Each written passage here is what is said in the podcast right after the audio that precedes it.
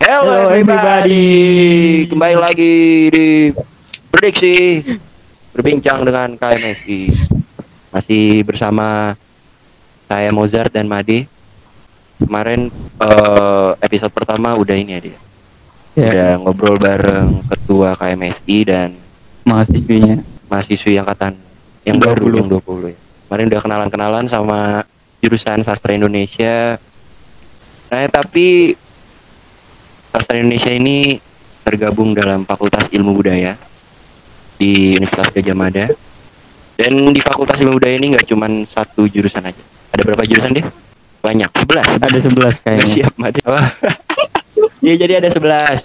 Ada 11 jurusan atau prodi program studi itu ada 6 jurusan 6 prodi sastra dan non sastra. Sastranya ada sastra Indonesia, sastra Jawa, Sastra Inggris dan sastra Jepang udah kan? sastra Jepang belum sastra Jepang, Bakor.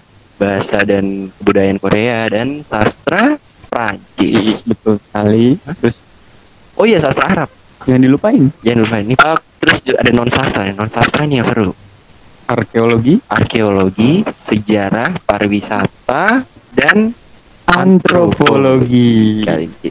Nah, ngomong-ngomongin antropologi nih, antropologi ini apa ya? Salah satu jurusan yang ya semuanya menarik, tapi antropologi ini menurutku punya sisi seksinya sendiri. Karena apa? Karena itu kalau ke mana-mana bisa, nyambung ke mana-mana nih antro bisa. Tapi kayaknya kalau yang ngomongin kita berdua ya deh, kayak ini banget, so tahu, so Betul, betul. kayak siapa kita anak sastra ngomongin antro gitu kan.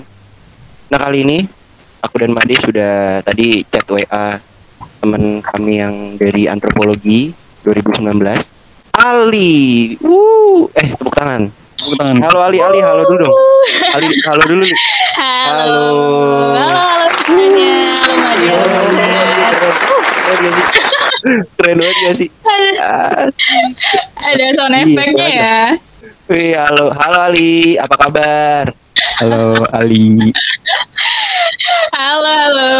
Eh, Ali Baik, Baik. baik. Alhamdulillah baik. Mm-mm. Ali posisi di mana Ali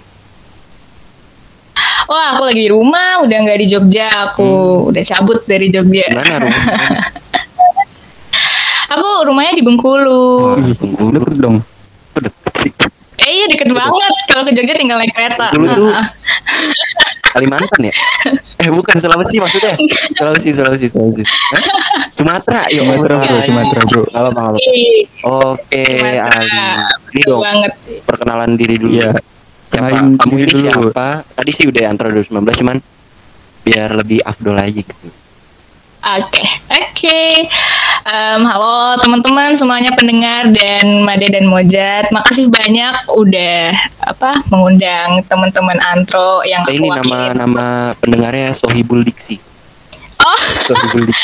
oh udah ada nama ini Baru lagi ya, tiap ya. episode Tiap beda-beda. episode baru. Oh, oke. Berarti kalau edisi ini Sohibul Diksi. Halo teman-teman Sohibul Diksi. Halo teman-teman, aku Ali, Alicia Nurmadani dari Antropologi 2019. Kebetulan aku diundang ke podcastnya teman-teman KMSI ini karena kita ada collab gitu ya ceritanya. Lagi ada collab antara himpunan aku, himpunan keluarga mahasiswa antropologi, Keman, sama teman-teman KMSI dan jadilah ini episode yang ingin membuka tabir perantropologian atau gimana nih ceritanya nih? Made? Iya dong, kita harus bisa membuka apa itu antropologi dan apa yang difokusin di antropologi. Heeh, soalnya ini aku tuh pernah denger gini li dari ada temanku anak antro Hmm. juga Idris jadi dia tuh pernah curhat waktu PPSMB apa namanya Palapa. Dia tuh pernah ditanya sama temennya dari fakultas lain. Jurusannya apa? Antropologi. Oh yang ilmu bintang-bintang itu ya? Bintang-bintang. Bagus. Iya jadi kan daripada masa orang-orang mikirnya antropologi bintang-bintang Asbian Kuncoroningrat nulis buku banyak-banyak. Jadi oke ini langsung ngomongin antropologi nih sebenarnya antropologi itu apa sih?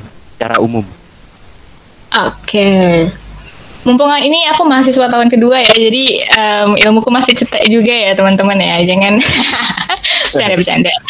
Mahasiswa tahun kedua, terus hmm, antropologi itu kalau misalnya dari namanya sih simpelnya ilmu tentang kita kita ini ilmu tentang manusia yang kalau dibelah kata antropologi itu kan padanan dari kata um, antropologi antropos manusia dan logos ilmu ilmu um, ilmu saintifik dan sistematis tentang manusia, kebudayaannya, terus bahkan ragawinya juga. Bagaimana eksistensi manusia itu membentuk produk-produk kebudayaan dan mereproduksi nilai-nilai yang uh, mungkin kita anggap penting gitu ya. Jadi intinya tentang tentang studi kita lah ya. Intinya sih itu kalau antropologi. Berarti kalau apa ya, kalau sastra kan lebih ke hasil dari manusianya itu kalau antropologi itu balik lagi ke manusianya gitu kali ya. Gampang. Um, iya, antropologi itu lebih tentang bagaimana sih kok bisa ada sastra sih? Sastra ini manifestasi dari apa? Apanya manusia gitu. Apakah karena kecintaan manusia terhadap estetika atau apa-apa ya? Mungkin kalian lebih tahu lah ya kalau teman-teman sastra ya. Oh iya iya. Keren banget nih jelasan dari Ali. Nah terus nih Li, uh, kalau ngomongin antro jadi ingat Petung. Krio. Petung Krio itu apa tuh Li? Ah iya iya iya, petung ya. Wah itu itu pengalaman paling menyenangkan ya karena seneng banget tuh anak tahun pertama udah diajak ini apa turun ke lapangan gitu itu paling berkesannya anak antro kayaknya itu petung Kriyono itu. I- Itu apa sih? Uh, acaranya tuh kayak gimana? Apa gitu? Apa? Hmm, oke. Jadi Petung Kriyono itu suatu daerah di Jawa Tengah yang masih deket sama Dieng, terus masih kayak dingin-dingin gitu. Terus kita dari departemen itu diberikan kesempatan untuk eh, melakukan penelitian kecil-kecilan yang diselenggarakan sama departemen untuk merasakan bagaimana caranya menjadi antropolog ya. Jadi kita melakukan riset eh, untuk membuat eh, suatu kompilasi tulisan yang namanya itu catatan lapangan kalau bahasa antropolognya em, bahasa yang mungkin lebih awamnya itu malah bahasa Inggrisnya field notes terus nanti kita bikin catatan masyarakat di Petung Kriyono dari field note field note itu field note itu kayak kesehariannya mas masyarakat Petung Kriyono tuh gimana sih? Dari pagi sampai malam kita bener-bener ngintilin masyarakat di situ. Jadi kan kita kayak ada induk semangnya gitu kan. Kita ditaruh di suatu rumah terus kita dituntut untuk melebur bersama masyarakatnya terus kita eh, menuliskan kegiatan mereka sehari-hari dan nanti dari tulisan-tulisan ini kita mencari kayak benang merahnya eh, benang merahnya untuk menjelaskan topik yang kita ambil untuk diteliti gitu. Kemarin itu penelitiannya kita ngambil tentang transmigrasi. Terus mungkin ada beberapa teman-teman yang ditaruh di rumah yang induk semangnya mungkin salah satu anggota keluarganya ada yang transmigran ke beberapa pulau di Indonesia atau malah cuman keluar kota gitu. Itu sih kalau tema penelitian Petung Kriyono di tahun aku itu tentang transmigrasi dan kita dituntut untuk melihat perspektif masyarakat Petung Kriyono-nya langsung ke lapangannya tentang transmigrasi ini. Tuh. Wih, kalau boleh ngasih gambaran nih, aku juga pernah ke Petung Oh iya. akhir Desember kemarin Iya, sama iya, anak-anak antro juga. Oh. Mm, Ini Jadi ada kalau kondangan ya? Mm-mm. Jadi kalau boleh Ah, ngasih ah. gambaran tuh, aku kan tiga hari di sana ya. Jadi dari pertama kita ke sana tuh di daerah Gondang sama di Curug Muncar. Nah dari sana tuh kita bisa lihat banyak ladang, banyak para eh, petani itu. Pokoknya di keseharian di sana tuh berladang pokoknya. Oh. Se sepemahamanku pas di sana. Iya iya. Jadi di sana tuh kayak eh, ngandelin alam. Hmm. Apakah benar, Ali? Hmm, betul banget itu. gambarannya Made itu udah bener banget soalnya emang em, Petung Kriyono itu masih masyarakat yang bergantung sama alam ya hasil-hasil alam. Bahkan kayak yang misalnya ibu ibu semangnya atau mungkin bapak semangnya itu udah kerja PNS tapi masih aja ada sambilannya. Mungkin dia kayak nanem terus nanti kalau tiap panen tuh bawa ke pasar gitu-gitu kan ya? Iya benar-benar. Berarti ini dia eh, hidup kehidupannya balance tuh. Alam dunia dan betul Betul. Tapi iya, ya iya iya iya. tapi Ya itulah. sorry, eh, itu Hmm. berapa hari Li, waktu di Petung Krio itu? Kalau jujur aku udah lupa tapi seingat aku tuh dua minggu. Seingat aku dua minggu. Dua minggu di Petung Krio. Iya. Dingin banget mau dingin banget dan ada satu kebiasaan yang cukup cukup aku gimana ya unik. Jadi kalau kita bertamu tuh eh, apalagi yang digundang ya kita langsung dikasih kopi langsung ngobrol di deket tungku api. Jadi, Oh, keren. keluarganya tuh dapat banget. Lagi? Aduh, iya tapi bener banget itu yang apa makan-makan di dekat tungku itu eh, nama nama kegiatannya itu aku sempet ngobrol-ngobrol sama induk semangku itu karingan, karingan kalau nggak salah. Terus bener-bener mereka nyiapin makanan kecil-kecilan terus nanti ngobrol di sekitar tungku mencari kehangatan gitu. Itu salah satu pengalaman yang paling berkesan sih kayak bener-bener kerasa kita dianggap pengalaman yang eh, pengalaman unik yang waktu Petung Krio. oh oh ada ada Gimana Li? Gimana? Gimana?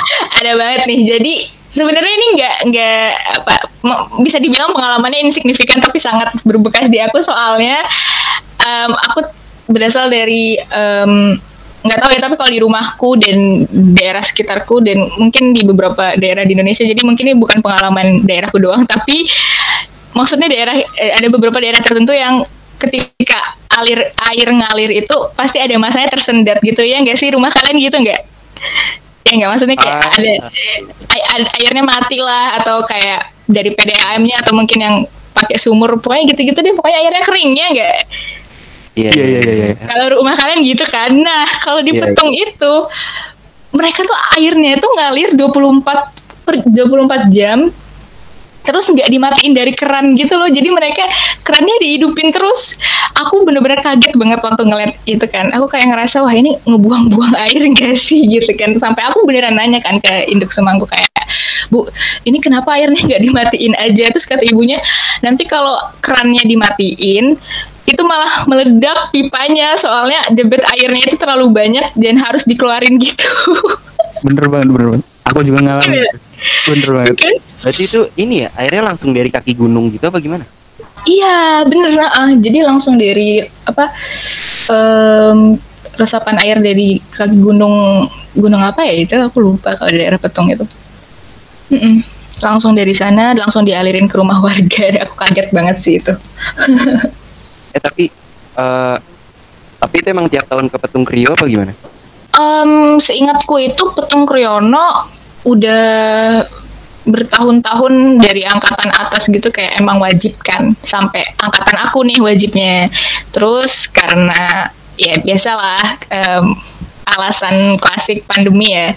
Jadi ketika ada pandemi nggak bisa nggak bisa di ACC lah plan kita untuk eh, stay di Petung. Eh, akhirnya untuk angkatan 2020 itu ada pengecualian dan terhenti deh. Eh, Hmm, makanya sayang banget emang anak 2020 kasihan. Jadi berhentinya di angkatan aku. Seingat eh, sebelum-sebelum itu emang dari angkatan atas udah sering ke petung gitu. Mungkin teman-teman pendengar apa para sohibul diksi yang lain juga pengen tahu eh, dari pandangan seorang mahasiswa antropologi hubungan antara manusia dan eh, antara bahasa dan kebudayaan itu gimana? Hmm, hmm, hmm, hmm. Kalau bahasa dan kebudayaan nih ya, sebenarnya udah dikukuhkan dalam em, lini studi yang tersohor bisa dibilang tersohor ya. Maksudnya beneran kalian juga pasti tahu lah ya ada ada studi namanya linguistik antropologi antropologi linguistiknya maksudnya kan linguistik linguistik kan jagonya kalian ya sih Iya. nah itu ada Ya, cabangnya di banyak. antropologi juga gimana Iya, udah lan- lanjut aja li. Ini kalau ngomongin mata kuliah. Oke oke.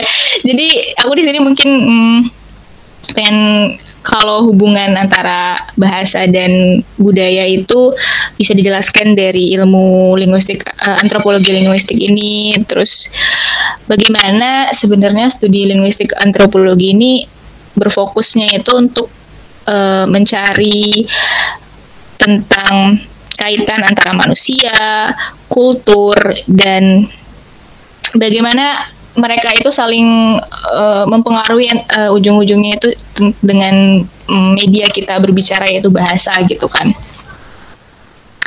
Jadi um, apabila diandaikan gitu ya di dalam um, semesta kita ini tentu ada namanya kayak kebenaran-kebenaran universal yang semua manusia itu di kebudayaan mana pun dia itu pasti tahu. Kayak misalnya percintaan nih kan kisah-kisah asmara, romance gitu kan. Semua kultur di dunia ini pasti tahu tentang itu. Terus tentang kematian. Terus tentang uang gitu kan transaksi ekonomi. Uh, berbagai kebenaran-kebenaran universal ke, uh, kebenaran-kebenaran universal yang lintas kebudayaan ini apabila dijabarkan melalui bahasa kebudayaan mereka sendiri itu tentu pasti berbeda gitu kan.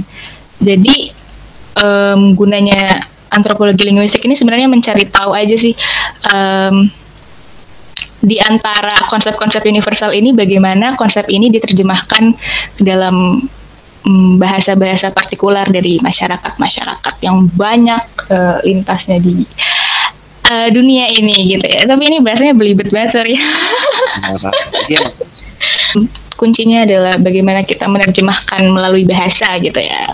Pak ilmu humaniora ini pasti akan selalu apa ya bergesekan gitu satu sama lain. Hmm, ada ada kalanya emang akan selalu nyambung nyambung gitu ya oke jadi kita telah ngobrol-ngobrol tentang uh, hubungan antara apa itu antropologi dengan manusia atau bahasa ya. Iya, iya kan? Antropologi Nih. mempelajari tentang manusia. Manusia. Dan lalu hubungan antara bahasa dengan budaya. Betul. Dan lanjut nih uh, apakah Ali pernah merasakan atau kejadian-kejadian unik tentang fenomena kebahasaan dan dan itu apakah berhubungan dengan uh, yang dipelajari dipelajarin di antropologi? Oh banyak banyak banget ini. apalagi ya buat buat apalagi mungkin yang relate aku sama Ali atau uh, para perantau gitu. Soalnya kan kayak asli beda banget tapi mungkin Ali bisa menjelaskan gitu secara uh, dari sisi antropologi betul betul benar hmm benar benar jadi kalau fenomena menarik ya uh, kalau kita highlight bagian perantaunya wah tentu aku culture shock banget pertama keluar ya, tapi aku pertama keluar dari daerah Bengkulu itu waktu zaman SMA kan hmm. aku um, menempuh pendidikan lanjut setelah SMP itu di Pulau Jawa di beberapa kota yang berbeda. Aku SMA-nya di sini, aku pertama kali kuliah di sini, terus ujung-ujungnya di UGM itu aku udah kayak menempuh tiga tiga bahasa kesukuan yang berbeda ya maksudnya uh, di bahasa Jawa nih kan ujung-ujungnya aku di Jogja aku merasakan bagaimana seharusnya kita bercengkrama dan bahasa tentu lebih dari apa yang kita ucapin gak sih ada gestur juga ya gestur kita berbahasa yeah. terus ada um, bahasa itu ekstensi dari pikiran kita terus pikiran kita beda-beda tergantung apa yang kita resapi mungkin pengaruhnya dari kesukuannya mungkin pengaruhnya dari uh, keluarga kecil kita bagaimana uh, bagaimana orang tua kita membesarkan kita banyak lah ya yang bisa mempengaruhi mem kebahasaan seseorang gitu kan.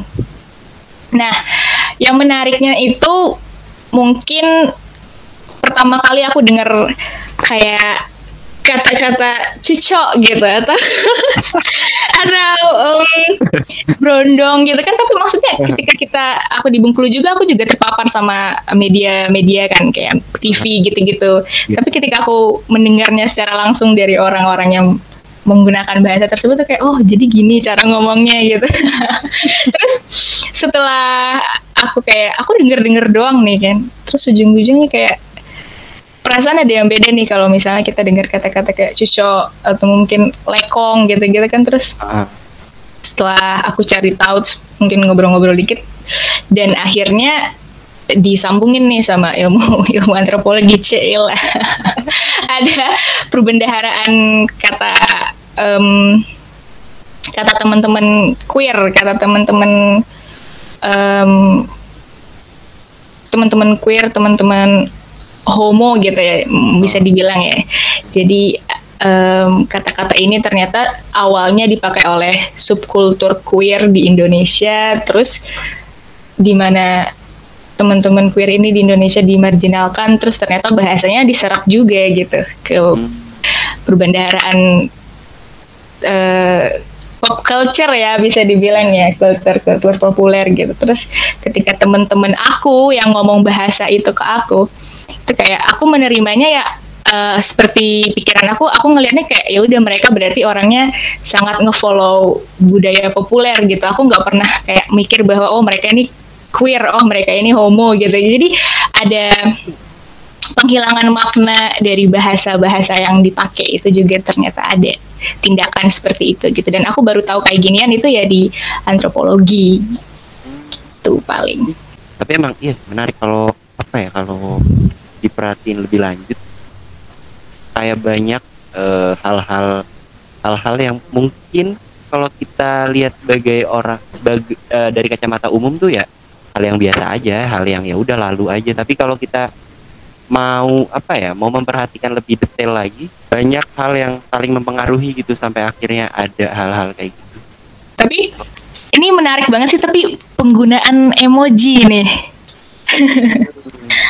Eh, penggunaan emoji yang mulai menggantikan berbagai eh, mak- maksudnya emoji dalam satu gambar yang terpikselasi itu dia bisa eh, mengungkapkan misalnya satu kalimat yang panjang gitu. Mungkin kayak aku tuh ketawa sambil nangis gitu. Aku aku ketawa sampai nangis. Terus itu emoji yang apa emoji yang ketawa sambil ngeluarin air mata itu kan. Maksudnya kayak emoji tuh sekeren itu kalau kalau menurut aku ya kayak itu menarik banget sih emoji. Sampai emoji ketawa sampai nangis itu itu dijadiin kata-kata ini word of the year ya word of the year-nya kamus Oxford tahun 2015 gitu. Jadi kayak emoji itu bisa menggantikan fungsi kata-kata dan apa yang seharusnya kita baca ya udah kita lihat aja kita udah tahu maknanya gitu. Itu menarik sih menurut aku ya. Kalau dalam konteks kebahasaannya bagaimana bahasa kita bisa berkembang sampai segitunya gitu. Oh iya iya. iya. Oh kalau kayak sekarang banyak tuh yang apa? Cowok-cowok gatel tuh yang suka komen-komen. Tau gak sih yang apa cipratan itu? Ah. Oh iya itu juga. Ya, itu bisa banget ya. Iya ya maksudnya kayak itu kan sebenarnya kan cipratan air gak sih? Mm-mm, tapi langsung kita langsung mikirnya tuh sampai ke sana gitu kan kayak wow will. dari gambar itu doang gitu. Kalau di apa namanya kalau di antropologi nih di prodi Gus ya pro- program studi antropologi ada ini nggak sih mat- matkul yang emang secara khusus mempelajari bahasa? Atau eh, mungkin secara khusus mempelajari bahasa pada suatu masyarakat Em, sehemat aku sih nggak ada. Tapi aku serius nggak ada. Kalau aku ngeliat di kurikulum juga terus aku juga sempet nanya-nanya teman-teman itu nggak ada. Kayak secara khusus kebahasaan atau linguistik antropologi gitu.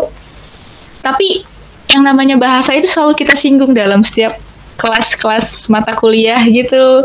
Em, contohnya ini kita pernah di kelas em, kelas antropologi kesehatan atau kelas yang lain tapi aku aku seingat aku antropologi kesehatan sih.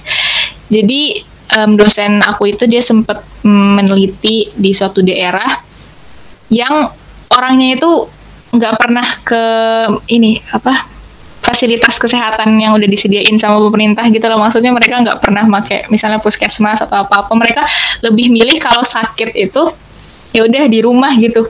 Saking ininya saking uniknya ya daerah ini tuh ada bapak-bapak yang kakinya itu luka kena ini kena apa? Kena parang. Kakinya tuh kena parang terus kayak kebelah gitu kan. Bapaknya tapi nggak mau ke puskesmas jadi bapaknya cuma ngomong ah gini doang gitu ya, ini tuh nggak ada apa-apa jadi dia mengekspresikan kenggamauannya saking gak maunya ke rumah sakit itu sampai kayak kayak gitu lah kayak dia mengekspresikan kesakitannya itu sedemikian rupa agar bisa diterjemahkan orang dia nggak nggak butuh ke rumah sakit gitu kan kayak wow ini ya tahan banget ya gitu kan sakit sampai sampai kebelah gitu kakinya kalau nggak salah kata dosen gitu kayak wow keren Oke, jadi begitu. Wah, ya mantap, mantap, mantap. mantap. Tapi di kita juga ada pengantar antropologi tuh. Hah? Tahu ya?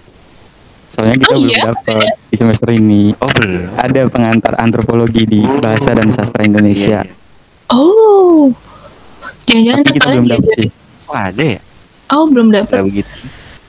kalian diajarin gimana tuh Eh, di antro, dosen yang cukup menarik buat kamu. Maksudnya menarik nih, artinya luas lah.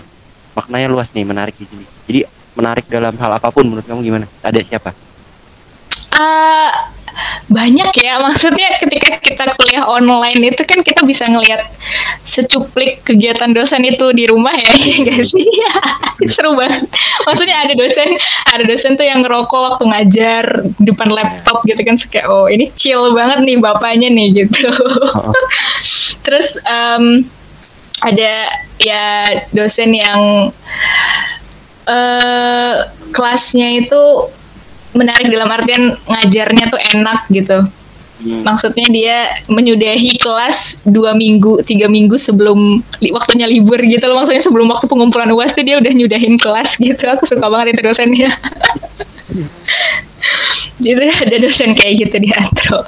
Em, aku nggak tahu itu boleh secara kayak dekanat bolehin atau enggak. Aku nggak tahu. Tapi aku suka dosen itu. Ntar ini dong, kita diajak dong main-main ke Keman. Wih, asik. Oke, nanti nanti tak sampein. Sabar, sabar. Tenang aja, tenang aja. Kan kan Keman tuh ya waktu itu aja seru tuh yang tiba-tiba bahas tentang ini transgender salah? Waktu itu. Tentang apa? Transgender. apa apa ya? Eh, Iya transgender. Di Keman tuh. Iya nggak sih? Iya, iya. Iya kan ya? sama Yang di mana? sama sama tarot di podcastnya.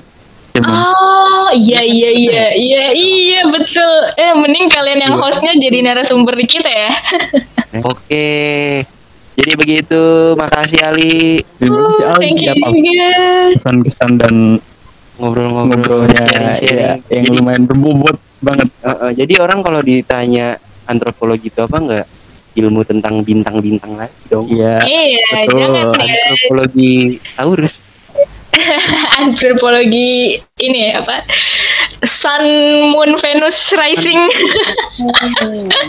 Ya jadi begitu teman-teman. Soibul soibul. Soibul Soibul Dikti.